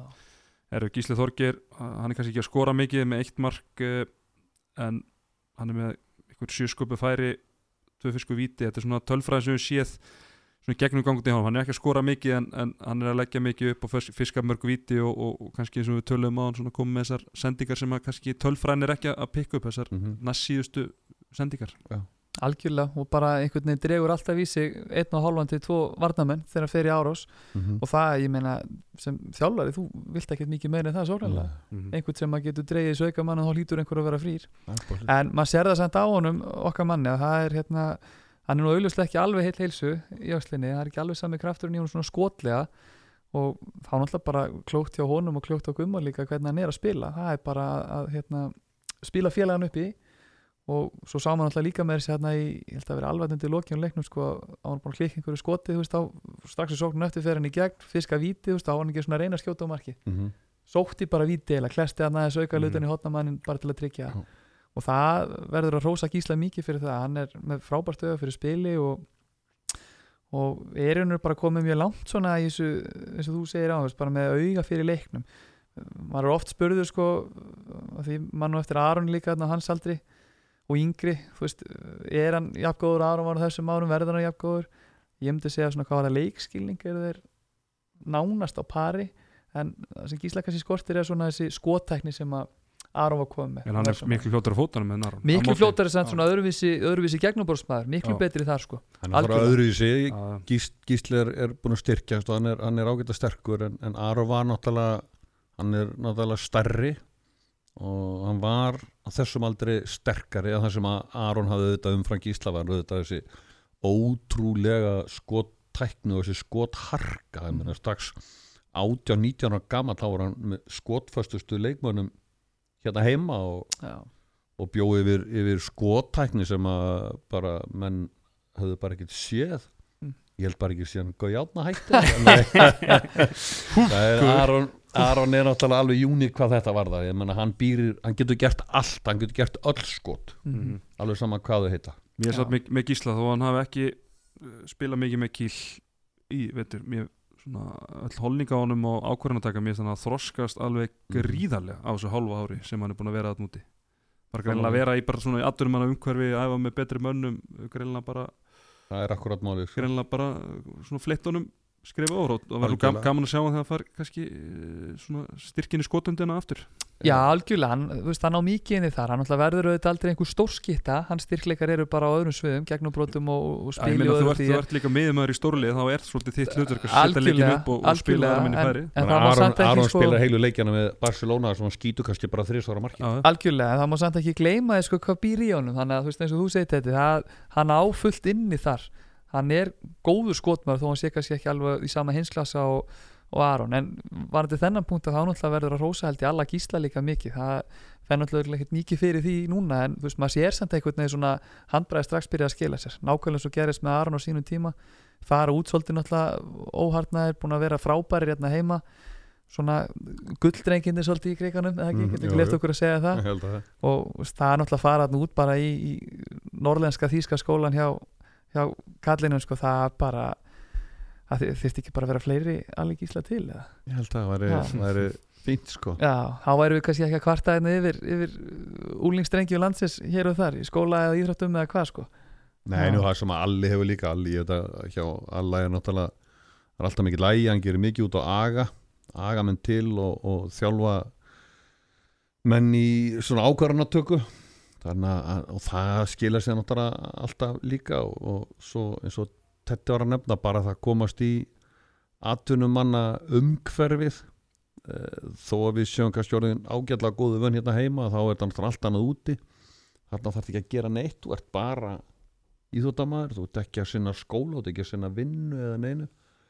Og þú æfir bara eins og getur ræft og ert með bestu þjálfarana í hverju stíi leiksins Mhm. fyrir sig þannig að það er bara ef þú meðtekur eða þú ert, ert nógu svona hombul til þess að meðtaka þetta allt saman og vera tilbúin til þess að læra þá, þá verður þú betri og það tekur skamman tíma hjá uh, drenga eins og, eins og gísla sem er náttúrulega greindur og, og, og alltaf hefur hennar skilningaboltanu fyrir hann fljótur að meðtaka þetta og, við eftir þess að gísla vaksa gríðarlega mikið á næstu 2-3 árum Mhm. fullir því Algjörlega, en svo náttúrulega fúlt auðvitað á mótið með strákvis og hann með teit vantala núna með elvar og fleiri við, við fáum ekki að njóta þeirra mikið hérna heima í deildinni. Nei, með, það er náttúrulega alltaf gallin við, við hérna, Ísland við, en við erum auðvitað að horfa á þetta sem rós. Ég menn eitthvað erum við að gera að því að menna var nú oftur að tala um að, að handbóltan á Íslandi sé nú á niðurleið og það sé eitthvað og eitthvað í gangi í ólisteildin og svo kolla kolli en við mögum ekki gleyma því að okkur einasta ári þá erum við að fara frá okkur leikmenn út í, í stóru liðin út um alla Evrópu. Mm og það er ekki út af einhver það er út af einhverju sem að þetta er alltaf að gerast. Það er út af einhverju að, að við erum núna með yngsta já ég held yngsta alanslið okkar frá upphafi á stórmóti. Það er ykkur ástæði fyrir því. Já, þitt handbræð skila sér. Ha. þitt handbræð skila sér í þjálfun. Já, þú ert hvað, þú, þú, þú ert þjálf okkar, fimm leikmenn þarna og þið báðir? Ekki, rétti á mér eða eitthvað? Var það alla, ég man það ekki Ólarnir, það- Aron, Ágústeli og, og, og Gísli. Já, við þjálfum nú. Gísla, já, alveg nú Ágústeli og, Gísla, og, og, Ágústeli átt ár. Og ég fekk svona að koma að ég að var að neitt vetum með einarandra í fjórðarflokki, einarandra einasinni já, já. með Aron og Ólana en ég held ég fríði mér nú ábyrða á hvað hér eru góður í dag sann. Já, ég meina Ah. það eru mikið, þú laðið sér þitt á, á Já, ætlar ekki Og lært meira bara þegar ég fóru svo að ná okkur og hyrða okkur stöðuna þetta upp yngjurflokkuna Já, Ha, það var eiginlega- kannski stærra var svona. Já, já, en svona eftir að haukja þá var það kannski ekki til að skamma sinn. Fyrir uh, Nei, þetta er það. En herru, strákar, uh, bara nóg komið á leiknum á móti Makedónum uh, Ég ætla nú ekki eða miklu púður í leikinu á móti Japan, ég meina það var bara Sko, sorry, ætlum- við ekkert að ræða markvösluna? Jó, heyrðu, sorry, Stína maður Björgur Páll Gústason. Maður leipir sérfrængum út einnig þátt og það fer bara Já, já, maður, hérna, þeir eru búin að mala svo mikið maður reyna að halda tempo henni gangandi hérna en við vorum náttúrulega aðeins búin að rósa hann með Björgur. Páll, uh, 30 skot varinn 37 varsla og sérstaklega svona mikilvægi bolta sem hann er að taka á, hann tekur hann á doppul seifið þetta er svona momentum sem að við hefum getað bara mist lengi frá okkur að við, það var svolítið í lási okkur sóknarlega á þessu momenti í leiknum Já, algjörlega og það bara sem kannski veist, kom á óvart og kom ekki óvart það sem alltaf gekk upp hjá okkur að því við þurftum að spila vörnuna svona aftarlega að við höfum ekki alltaf verið heimsmeistari því að vinna saman með vörn og markvæslu vanandi að fá skot á markið en við verðum ekki að hrósa bjöka Gauðjárna fyrir það í dag. Bara frábært. Hann fóð vel í sín hot, vann vel með vörninni og, og hirti fullt, fullt, fullt af öðuldum boltum. Það má nánast kalla þetta fullkomi leikjánu og þetta er eiginlega bara akkurat það sem að eh, við þurftum í svona leik. Við, við förum ekki í gegnum svona leik eins og þennan nema með góðri markvæslu og hann svo sannlega stóð upp og, og skilaði framlægi sem að bara, já, þetta er náttúrulega hann og, og Arnur eru klálega bara menn leiksins, það er bara svoleiðis og erfitt að gera upp á millera Ég held við séum með betri markusli í öllum leikjunum okkar. Uh, getur verið reyndar að, að í Króatíu höfum við verið með ívi verri en ég meina svona heilt yfir bara markuslan búin að vera Já, okkur til ég- tekna frekar en Ég hitt held sko, nú er náttúrulega engin, engin starfræðingur en ég held ég hef nú reiknað út að við sem bara búin að vera með eða bjöggi sér sett með einhverja rúmlega 35% vörslu í mótinu. Og ekki, og- ég skal bara fletta við fyrir letið 35,1% Ágúst Eli Þú 28,6 veist, og, og fyrirfram sko, þú veist, maður hefði bara maður hefði borgað pening fyrir það, fyrir Mhm. mót. Við myndum Þá ekki gleyma því að, að Björk er að koma frá Danmörku þar sem hann er að spila svona tiltölulega lítið og regla minna heldur en hann vill spila og ég skoða þetta nú fyrir mót og þá sá ég að- Bjöggi er skráðu þar með einhverja 25% markvæslu í Danmörku þannig að, þetta er heldur betur frábært hérna, stökkja honum og, og kannski lýsir honum bara vel sem, sem íþróttamanni. Hann er náttúrulega mikill íþróttamaður í sér og, og með hérna sterkan hausan með sterkan karakter í svona stórmót. Og þetta er bara nákvæmlega sem við þurftum og, og Bjöggi fær allt hró sem ég get auðsið á hann fyrir það sem að verið svo móti bara fullkonlega þó ég hafi verið einn af þeim sem var hefði alveg vilja sjá hann skilin eftir. Já, nákvæmlega, það var náttúrulega bara búin að vera umræðan um það úst, og ég held að ég alveg fleiri höfum tekið þátt í því að tala markvæsluna niður og úst, það hafa náttúrulega búið að vera þetta, hann var jafnvel bara á leiðinni heim sko í, janúar, þetta Danmerku dæmið hefði ekki gengið og hann var einhvern veginn bara svona úst, innan gæðslöpa búin en hann er bara heldur betur búin að stígu upp og, og honum náttúrulega, mögum ekki gleyma því þetta er náttúrulega reynslumesti maðurinn í, í liðinu, fyrst að Guðjón Valur mittist, þetta er einið ekki sem var eftir úr Jú, eini liðinu, silfurdrengurinn það ekki? eftir, Já, já, frá. Peking þannig er að bara- hann bara, þú veist, á augu stundu fó bara fremst og dró vagnin með Arnóri og bara eins og þú segir þarna, bara allt heimsins rós bara frábær. Og ég er búinn að geta sokkið minn. Já, og ég, fóð mér þess að ég þig skörðun á- að náði hann. Og hvernig, varstu með Bernes eða barbekjusósu með Nei, tók hann bara dræ. Bara rér, Já, já. ég átti ekki skilja að fá neitt bræðbæta á það. Það Það okkur er bara- Ég man eftir því. bara eins og maður bara sorry Björgi, tek þetta allt tilbaka. Þú varst frábær. Hann nærist, hann nærist bara á aðtikli og þú veist að, að vera á þessu stóra svið það er greinlega Já, hann er bara, hann er topp íþróttamaður Já. fyrir svona viðbur það er bara Mhm. Eitthvað eldsnöttum Ágúst Deili, hann ætla lítið þurft að mæða honum. Já, ég menn hann kemur síðustu flott, flott, flotta yngum bara- á móti Króti og, Já, hann er ekki bara búin að sinna sínu hlutverki vel Já, Hann alltaf var bara, fór út sem nummer tvö kom hann inn þegar áþurft að halda en annars náttúrulega er hann bara væntalega að drekka í sig reynslu og Já, bara, bara- læra, læra, læra með Bjögga inn og, og, og Svensson hann á bekknum. Algjörlega og Ágúst Eli á að fá hrós líka hann er þessi skitt sem hann hefur komið inn á þá var hann alltaf komið með eitthvað framlag í öllum, öllum, öllum öll skipti sem hann hefur komið inn á.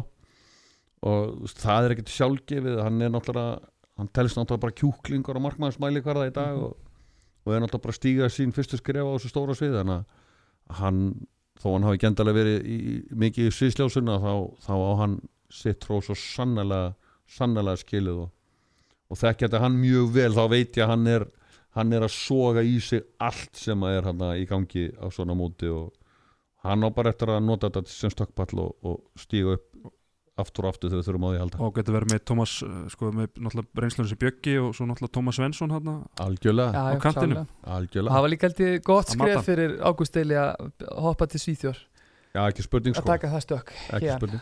Ekki, ekki á stórt en samt maður sér það samt að hann er, hérna, er strax búin að að já, já, já, já, á þessu stutta já, já, tíma hann er svo rólegri í markinu og Mhm. þannig að, jú, jú, það bara, eins og segja, það er bara allir á bara rós, skilið. Allir sem hafa, mun ekki gleyma því að í öllum þessu leikjum að þá er hver einasti leikmaður þegar hann hefur komið inn á, hvað sem hefur komið inn á í stuttatíma eða langatíma, það koma allir alltaf með eitthvað framlag. Já það er engin, Það engin farþegi búin að það vera er engi búin að vera farþegi. Og það er náttúrulega bara alveg ótrúlega sterk liðsæld og, og, og veit á ótrúlega gott vonandi í framtíðinni. Samanlega því, heyrðu bara örstutum en hann leika múti í Japan þar sem hann er svona, eins og ég sagði, hann tiltrúlega irrelevant svona eftir, í ljósi úslita kvöldsins, þetta var það var bara svona hvað var að segja, markaskori dreifist markaslan solid svona, en, kannski anstæðingur sem hendur okkur ekki vel, þau eru ekki bara kannski að taka út úr þess að Rosa Bradei og hans uh, fram, svona framfyrir sem japanska liði hefur tekið þráttur Mm. að það var reynda að tapa fyrir barinn í dag. Kannski Jú, eitthvað óvænt algjörlega. með að við, hvernig mótið hefur spilast. Fyrir mér var þetta bara mjög einfalt. Þetta var bara skildu sigur og típisku leikur þar sem menn gerðu bara akkurat það sem þurfti og ekki fimmur í viðbót. Og svo má náttúrulega ekki gleyma öðru í þessu að, að þessi japansleikur hann skipta okkur eiginlega engum málið ef við hefum þá værum við samt í millirriðli með sigri á Já. Makedónu þannig að- að auðvitað blundar það alltaf í undir meðundinu þó að topp íþróttamenn segja að það skipti ekki málu að þeir láta ekki tröfla sig. Þá auðvitað vita menn alltaf innst inni að þú, ert ekki komin á endabraut og tapir einhverjum þessu leik. Þessi leikur í dag hann var alltaf að fara að skipta öllu máli. Mm -hmm. þannig að það er bara sáleikur er bara afgjörðu þetta var bara skildu sigur hvernig sem það gerður og, og máliði dött næsti takk. Stillat, jöðlar þetta, oh, því lík Þetta er ástæð fyrir ég fekkið þáttinn. Herru, strákar e, Það var sem ég var að vona. Leikirnir sem að voru í gangi, þeir eru búnir Þannig að við getum eh, skoðað aðeins framhaldið. E, Svíjarnir þeir unnu Ungverja 33-30 Danir unnu Normenn 30-26 e, Króatja vinnu Spán 23-19 Það er kannski Já. svona aðtíklisverðistu úslit kvöldsins og frakkarnir þeir merja rússana 23 22, það sem að uh, þetta þýðir það að í millireilum okkar eru króatarnir með fjögustig mm -hmm. það sem að þeir taka náttúrulega fyrir þá sem ekki vita náttúrulega taka með sér þú tekur með þér úslitin úr reil- reilinum með á móti þeim liðum sem að fara með þér í millireilin. Ættu nú flestir að, að, að þekka þetta. Uh, þjóðverðar og frakkar eru með þrjústig eftir að hafa gert innbyrði sjátefli uh, spónverðar þeir eru í fjórasætinu með, með tvö stig og við erum í fymta sæti með 0 stig á samt brössum. Brassa komið greiðlega óvart á þessu móti. Uh, við um leik á lögadaginn klukkan halv åtta á móti þjóðverum svo eigum við frakkan á sunnudaginn klukkan halv åtta sömu leiðis og svo Brasíliumenn á þriðudaginn klukkan uh, halv þrjú. Spennandi. Þetta- er, í- þetta er í Langsnes Arena í, í Köln þar sem að við verðum í, í, á Final Four í, í vor frábær höll, Já. yfir 20 manns og, og gríðarlega stemning og, og DJ heimsmæli hverða, ég get, get kvittað upp á það. Gauði, hverjir, svona, hvernig metur möguleikan okkar í þessum millirili sko það er það má eiginlega kannski segja að þessi þrý leikir sem við höfum eftir í millirinnum séu í raun og veru bara svipaðir og og hérna þessi þrý leikir í reilnum okkar sem var að ljúka í dag ef við tökum þá þessi Makedóniu, Spán og Krótíu uh, ef allt er svona tiltölu eðlilegt að þá töpuðum við fyrir þjóðverum og frökkum og, og vinnum brassana og endum þá í væntalega í fymta sæti riðisins mm -hmm. væntalega, þú veist, það er enn Mhm. ég eftir að hafa séð þetta lið núna í þessum leikjum öllum og, og séð svona holninga ég fór nú út og sá fyrstu þrjá leikina þannig að Er ég meina spurningu? Hmm, Ég fréttu að það er bara verið, það er tárast bara eftir spánarleikin Getur staðfest það? þetta er spánarík sem við töpuðum. Já. Það verið eitthvað tilfinningarnar búið að kalla núli þetta tala nú að því águsteyli kom inn á það.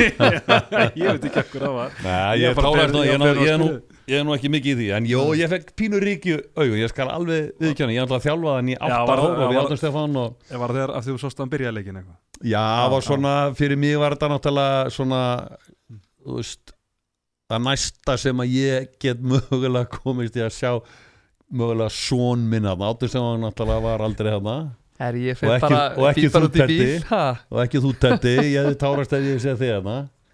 En hérna, jú, jú, auðvitað er þetta svona pínu, svona kýl sem að maður fæði þegar maður sér strák sem að þjálfaði í átta ár, þó að, þó ég hafi ekki beint verið markmanns þjálfana, markmanns þjálfara alltaf, eða við, en auðvitað kennum við honum sem að erum þjálfarar alltaf eitthvað og, og hérna, og mér þótti rosalega væntum að sjá hann og, og hugsaði mikið til hans og hugsaði mikið til Avans, heitið, Mhm. Sem var nú Birgir Björnsson. Legendi Birgir Björnsson sem að hefði nú heldur betur orðið, orðið stoltur að, að sjá ég. drengin í, í þessari stöðu þannig ég sko. En það var gaman að ég var nú á nú hérna fórst konstina þess að þetta sentimental dæmi hérna. Mundi allt inn eftir sjá þegar við erum að spyrja út í þetta. Að hérna ég, ég, maður sána, ég var hérna úti og var að fylgjast með og maður, þú, þú sér náttúrulega miklu meira á, á staðnum heldur en, heldur en að vera í sjónvarpi. Þá sérðu bekkinu, þú fylgst með bekknum og séð svona lífið á bekknum og sér svona uh, og tala um þegar maður hefur sjálfur spilað þetta þá sér maður alveg svona hvernig hvort það er samstaða í hópnum og þetta dótar í alls saman. Og það var náttúrulega alveg augljóst að, að þessi hópur hann er að virka á mig alveg ótrúlega flottur. Og vekum hann ótrúlega vonir einhvern veginn með, með framtíðina. Með næstu ára allavega að hvernig hann getur svo þróast út frá eftir þetta þetta er náttúrulega ótrúlegt veganesti fyrir svona hóp svona hvað maður segja nýpúslagan hóp a- að byrja á þessu að bara það að ná í millireilana þó að við töpum öllu þar og endum í tóltasæti þá erum við samt sem áður komnið þangað og þetta er ótrúlega gott veganestu og, og ég held að þessi hópur eigi eftir að eigi eftir að hérna uh, geta gert góða hluti fyrir okkur Mhm. Þannig við erum Já. að hor- horfa í svona hvað Við erum að reikna með tveim stigum og, og það verður svona gaman að kannski að kroppa tvö viðbót og svona setja allan að þrýsting á sjönda áttunda Já, okkur ekki Já. Sko erum við ekki, við erum alltaf búinir svolítið með svona annan skildupakka núna þú veist, þrátt fyrir alltaf að tala um veist, uppbyggingu, kynsluðarskipti, Mm. nýtlið bla bla bla, guðumvalum meittur innstinni held ég að 90% af öllu sem fylgjast með handbólta hafi svona innstinni ætla að stila sem við kemast í mitt Það við ekki það alveg verið sammálum Ef við erum að ræða þetta og við tapa fyrir Makedóniu þá værum við bara að tala um þetta mót sem gríðal Er það ekki? Algjör að veist, mér- var það allavega sko. Já, þannig að ok, við, gerum þetta. Við áttum, áttum, áttum ekkert lélega leiki á móti Króati og, og, og Spáni þó við höfum tapað. Þannig að liðið búið að sína svolítið úr það er og ég held að sé alveg spili klálega með okkur að geta farið inn í núna allavega næstu tvo leiki nokkuð pressulösir Já. Á móti Algjör- þessum stóru liðum. Veist, og sérstaklega held ég að vonandi sóknarlega náu svona maður sá það svolítið, það var svolítið svona smá farga á okkur í dag, menn voru rætti stressaðir eðlilega, ungi strákar og, og tilöfnin stórt, en það er vonandi svona að við náum að, að segja, að fara svolítið búin okkur pressuleysir inn og, og leifa bara leiknum að þróast eins og það þróast.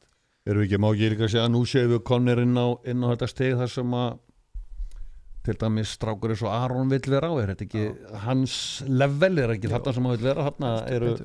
þarna er eitthvað komið undir og, og eigum við ekki að trúa því að treysta nú komið hann til með að sína sínar allra, allra bestu hliðar á þess að segja hann að sé búin að vera lélugur hinga til. Mhm. en ég, og segi, ég held að ég man til dæmis eins og leikurinn á móti spánverjum þú veist, við getum alveg séð fyrir okkur að, að með einhverjum öðrum dómurum heldur að dæmdu þann leik þá er það bara við nýfja bleiku fram á síðustu mínútu og við höfðum í fullu trefi spánverjana allan tíman Mhm.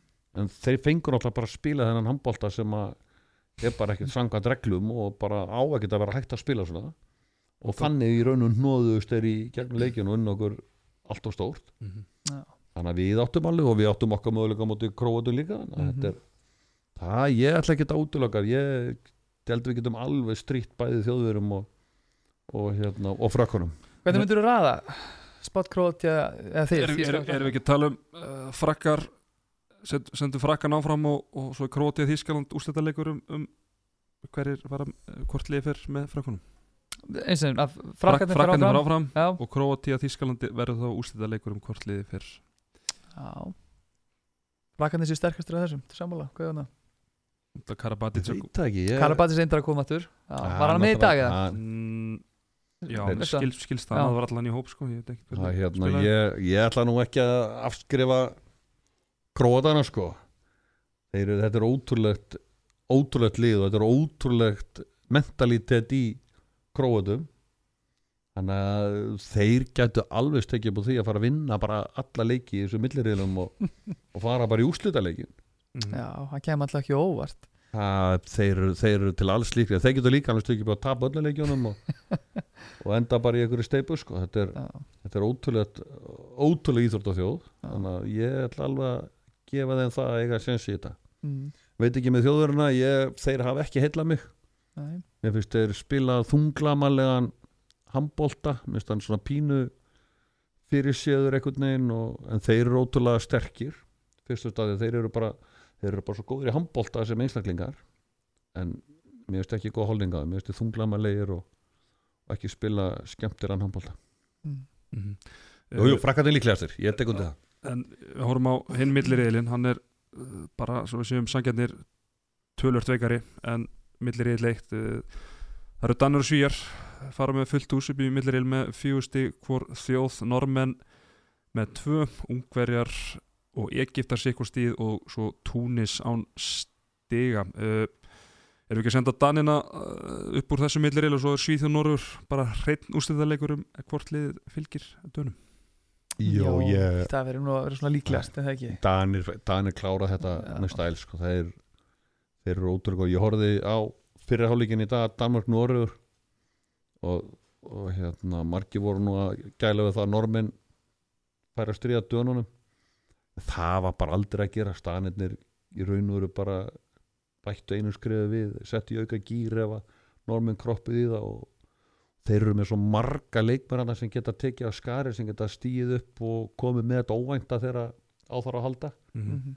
ég sé ekki allir þarna að fara að stríða þeim nokkuð skapaðan hlut sendu ekki svíjana með þeim Jú, er það ekki? það Ég er rosalega hrifin á Norsarunu sko. Norsararnir eru mjög góðir en Svíjarnir eru náttúrulega frábærir og, og vel skipulaðir og þeir, þeir eru svona gott tím. Og kemst ótrúlega langt að því en ég held að ég held að normennir séu sterkari.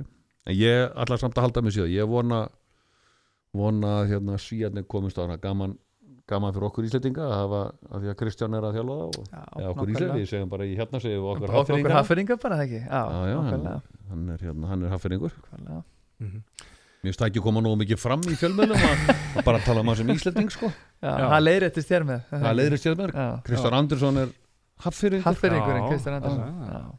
En hérna uh, Minnst aðeinslega með Danina að Svona með hana frakkarnir Þetta er kannski svona þær tvær þjóðir Sem hafa verið hvað sterkastar undanferðin ára Við erum búin að sjá svona ákveðin kynnslóðskipti hjá frökkunum, ég minna, þeir eru komið með menni svo Díka Mem og Engesan og Fabregas á línunni, Remi Lí þetta er allt ungir, ungir leikmenn mm Mhm. meðan svona kjarnin hjá Danmörku, þetta er bara 30 pluss, ég minna Mikkel Hansen Niklas Landin í, í markinu Lasse Svan og, og Mhm. Lindberg í hotninu, Möllegard í vörninni mm. Reynintoft Hansen, þetta er allt menn sem eru þú veist, 30 og upp undir 34-5 ára Mhm. þannig að gríðlega reynsla hjá, hjá dönunum er það að fara að skila þeim alla leið? Alla leið, það er, úf, já Ég get alveg séð það fyrir mér. maður er alveg hirt verið hugmyndir sko Veðbankarnir, þeir eru á því að þeir eru líklega, segja Danna líklegasta líka á Já, er, er þeir orðin líklegast taka? Já, ég get alveg séð Danina fyrir mig. Ég, þetta, þú segir réttalega, þetta er náttúrulega lið sem er hátt í meðalaldri en, en þetta er allt heimsklassa leikmenn en þá og svo er það nú oft svolítið þegar leikmenn vita það innstinn að þetta fer svona að síga á setjum hlutan þá oft þessi bestu gaurar að þeir, þá kreista þeir fram oft þetta ekstra og það breytist bara aðeins leikurinn hjá þeim og það verður svona yfirvegaðir og þeir hætti að vera skráðir og, og þá oft getur allur, allur fjandinn gerst. Við munum nú eftir, eftir hérna það er frægur 63-45 kjensl á svíja þeir náður ekki eftir að vera með meðalaldu byrjunleis upp á 30 og hvað, fjögur eða 5 ár eftir maður Faxi og Víslanda og þeir allir þarna. það. Og hefur ennþá með besta liði í heiminum. Mhm. já, það einmitt, er, en, en þá kom, það er náttúrulega umræð en þá komu náttúrulega svona erfið ár þar á eftir. Þung það- kynnslóðskipti já, eftir já, það það, voru mjög erfið hér dutt duttu af einhverju stórmótum hann nokkur röð og algjörlega. það Finnir svolítið held ég á varandi hvort þið verið heimsmyndur ekki? Segja veltur svolítið á Karabatis í frökkunum hvernig standið er á honum og. Hvernig hann er að koma sér inn í þetta? Ég heldur þurfið hann í toppstandi til þess að- til þess að ná þessu. Já, já, já, mm. heldur betur. Klart mál, heyrðu, uh, við vorum með uh, leiki í samstarfi við uh, Kulbe þar sem að hlustendur gáttu giska á uh, hver er markaðastur það er móti Japan og, og Magadóniu og sérfræðingurinn hann dró út í, í Japans leiknum og ég dró út í leiknum eftir, eftir Magadóniuleikin og uh, leiknum þá voru tveir markaðastir, það voru Stefán Rapp Sigumansson og Arnur Þór Gunnarsson. Þannig að það voru tveir í rauninni hlustendur sem voru dregnir fyrir Kottleikmann og þeir sem að giska á Stefán Rapp það voru Bjarki Jónsson og og Jónatan Ingi Jónsson þó ekki bræður. Þeir hljóta glaning frá Kulbett og þeir sem að giska á Arnur Gunnarsson það eru þekkt nöfn sem voru dregin upp úr hattinu þar. uh, Aron Einar Gunnarsson sem er nú búin að óvænt búin að giska á hann í öll skiptin. Í alla leikina. Sjokkar, og vel gert Aron. Hreiðar Levi Guðmundsson. Já. það er Mm. aldrei er eitthvað hart í ári í fastinabransan Já, markaður hann eitthvað að kólna? menn þurfa að ávasta punsitt og. Þeir hljóta einni glaðning frá Kulbett uh, uh, Magadónia, þar var Arnur Gunnarsson markaðistu sumulegis og vinningsaðni þar eru Guðmundur Freyr Hermansson og Hörður Snævar Jónsson já, þetta eru bara Ritstjóri 433 þetta eru kanónun upp sem Já, eru að er upp úr, hérna- upp úr hattinu. Þetta eru svona allan eitthvað þekkt nöfnuna já, Gaman að því uh, Herðu, við ætlum bara að fara að slá botnin í þetta. Við verðum með þátt hérna á sundarskvöldið á öllu líkindum eftir leikin á móti frökkum. Þannig að stráka, ég ætla að fá spá frá okkur báðum. Annars vegar fyrir þjóðurleikin og hins vegar fyrir frakaleikin Tölur ég ætla að segja að báði leikinnir endi eftir 60 mínútur. eftir 60 mínútur. Uh, þjóðveraleikurinn fer 20 og 7-27 við náum góðu jættefli þar. Já, Ok, og það hleypir í okkur smá hundi og það gerur jafntöflið frakka líka 27-27 Já, hver er stöðutinn á þetta hjá Eh, Kúlbett hann er svona, myndi ég giska á 10 sinu 10, það er svona 100 myndi Já. ég, svona kringum 100 Þú ert bara, þú ert að fara að borga niður námslánin mín bara loksins með þessu þetta kom, kom að því maður Ha. Ha. Ertu ekki búin að, ertu ekki búin að punta þetta hjá þér? eða? Jó, jó, þetta er allt saman, þetta er on tape það- Ég þarf ekki að punta þetta hjá mér Harti ári í kennarabransanum. Átni Stjón Herðu um, Ef við ekki að segja Ef við ekki að segja 31-26 tap á móti þjóðurum okay. og ef við við ekki að vera einhverju drauma ef við ekki að segja bara ef við ekki að segja 29-28 Ísland á móti frökkum. Já, við endur tökum leikin hérna frá hvenær var það þegar við komum því lítið óvart og unnuð á með baki upp við vegg. Var það ekki hvenær var það aftur? 2007 í Þískalandi Við eftir, eftir að við töpum hérna fyrir Nei, en, þá tókum við frekar örglega hérna. þetta var Já. 2007 ég var að keira úr vinnunni ég var að vinna í Bræðan og Mónsson í Smáralind. Var að leiðinni heim þurfti að byrja í útvarpinu. Og svakalegt. Já, já, já, við náðum bara ykkur tíu marka hvort að, að okkar maður Adolf Ingi hafi ekki bara verið að lýsa. Já, við unnum að samt með meir en einu. Við, ekki, það var, var við máttum ekki vinna með tíu. Við þurftum urðum að það var betra fyrir okkur að vinna með sjö upp og taka já, já, já, tíu, algjörlega. Það var eitthvað svona en það verður ekki þannig núna, nú vinnum við bara með einu.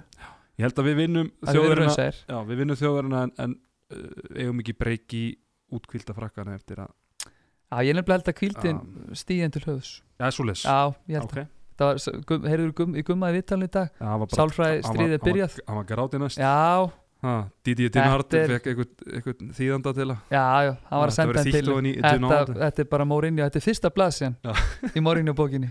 Það er bara svo lis æðislegt, æðislegt Heru, Þetta held ég að verða Þetta fá mikið fríði í rauðvin og bagvætt þannig að ég, held að þið verðið þungir þegar og verða hrætti líka eftir jættöflokkur á móti þjóðurum samkvæmt þér Mögulega, mögulega. Ha, sjúss. Aðmál er að fara bara að liði njóti sín það er maður gaman, meðan það er gaman að horfa á það og þetta er að- að stíga hérna, skrefi rétt átt Já. að, að þá, þá er þetta bara skemmtilegt Já. Við kvittum undir það Heyrðu, strákuminni, bara takk hérlega fyrir komuna Takk fyrir okkur. Já, Takk að svo lis. Og við þökkum líka Friðriksinni fyrir að hafa verið á línunni frá Munhjen og við segjum bara áfram Ísland. Arnar Daði og Teddy Ponsa með þér í handkastinu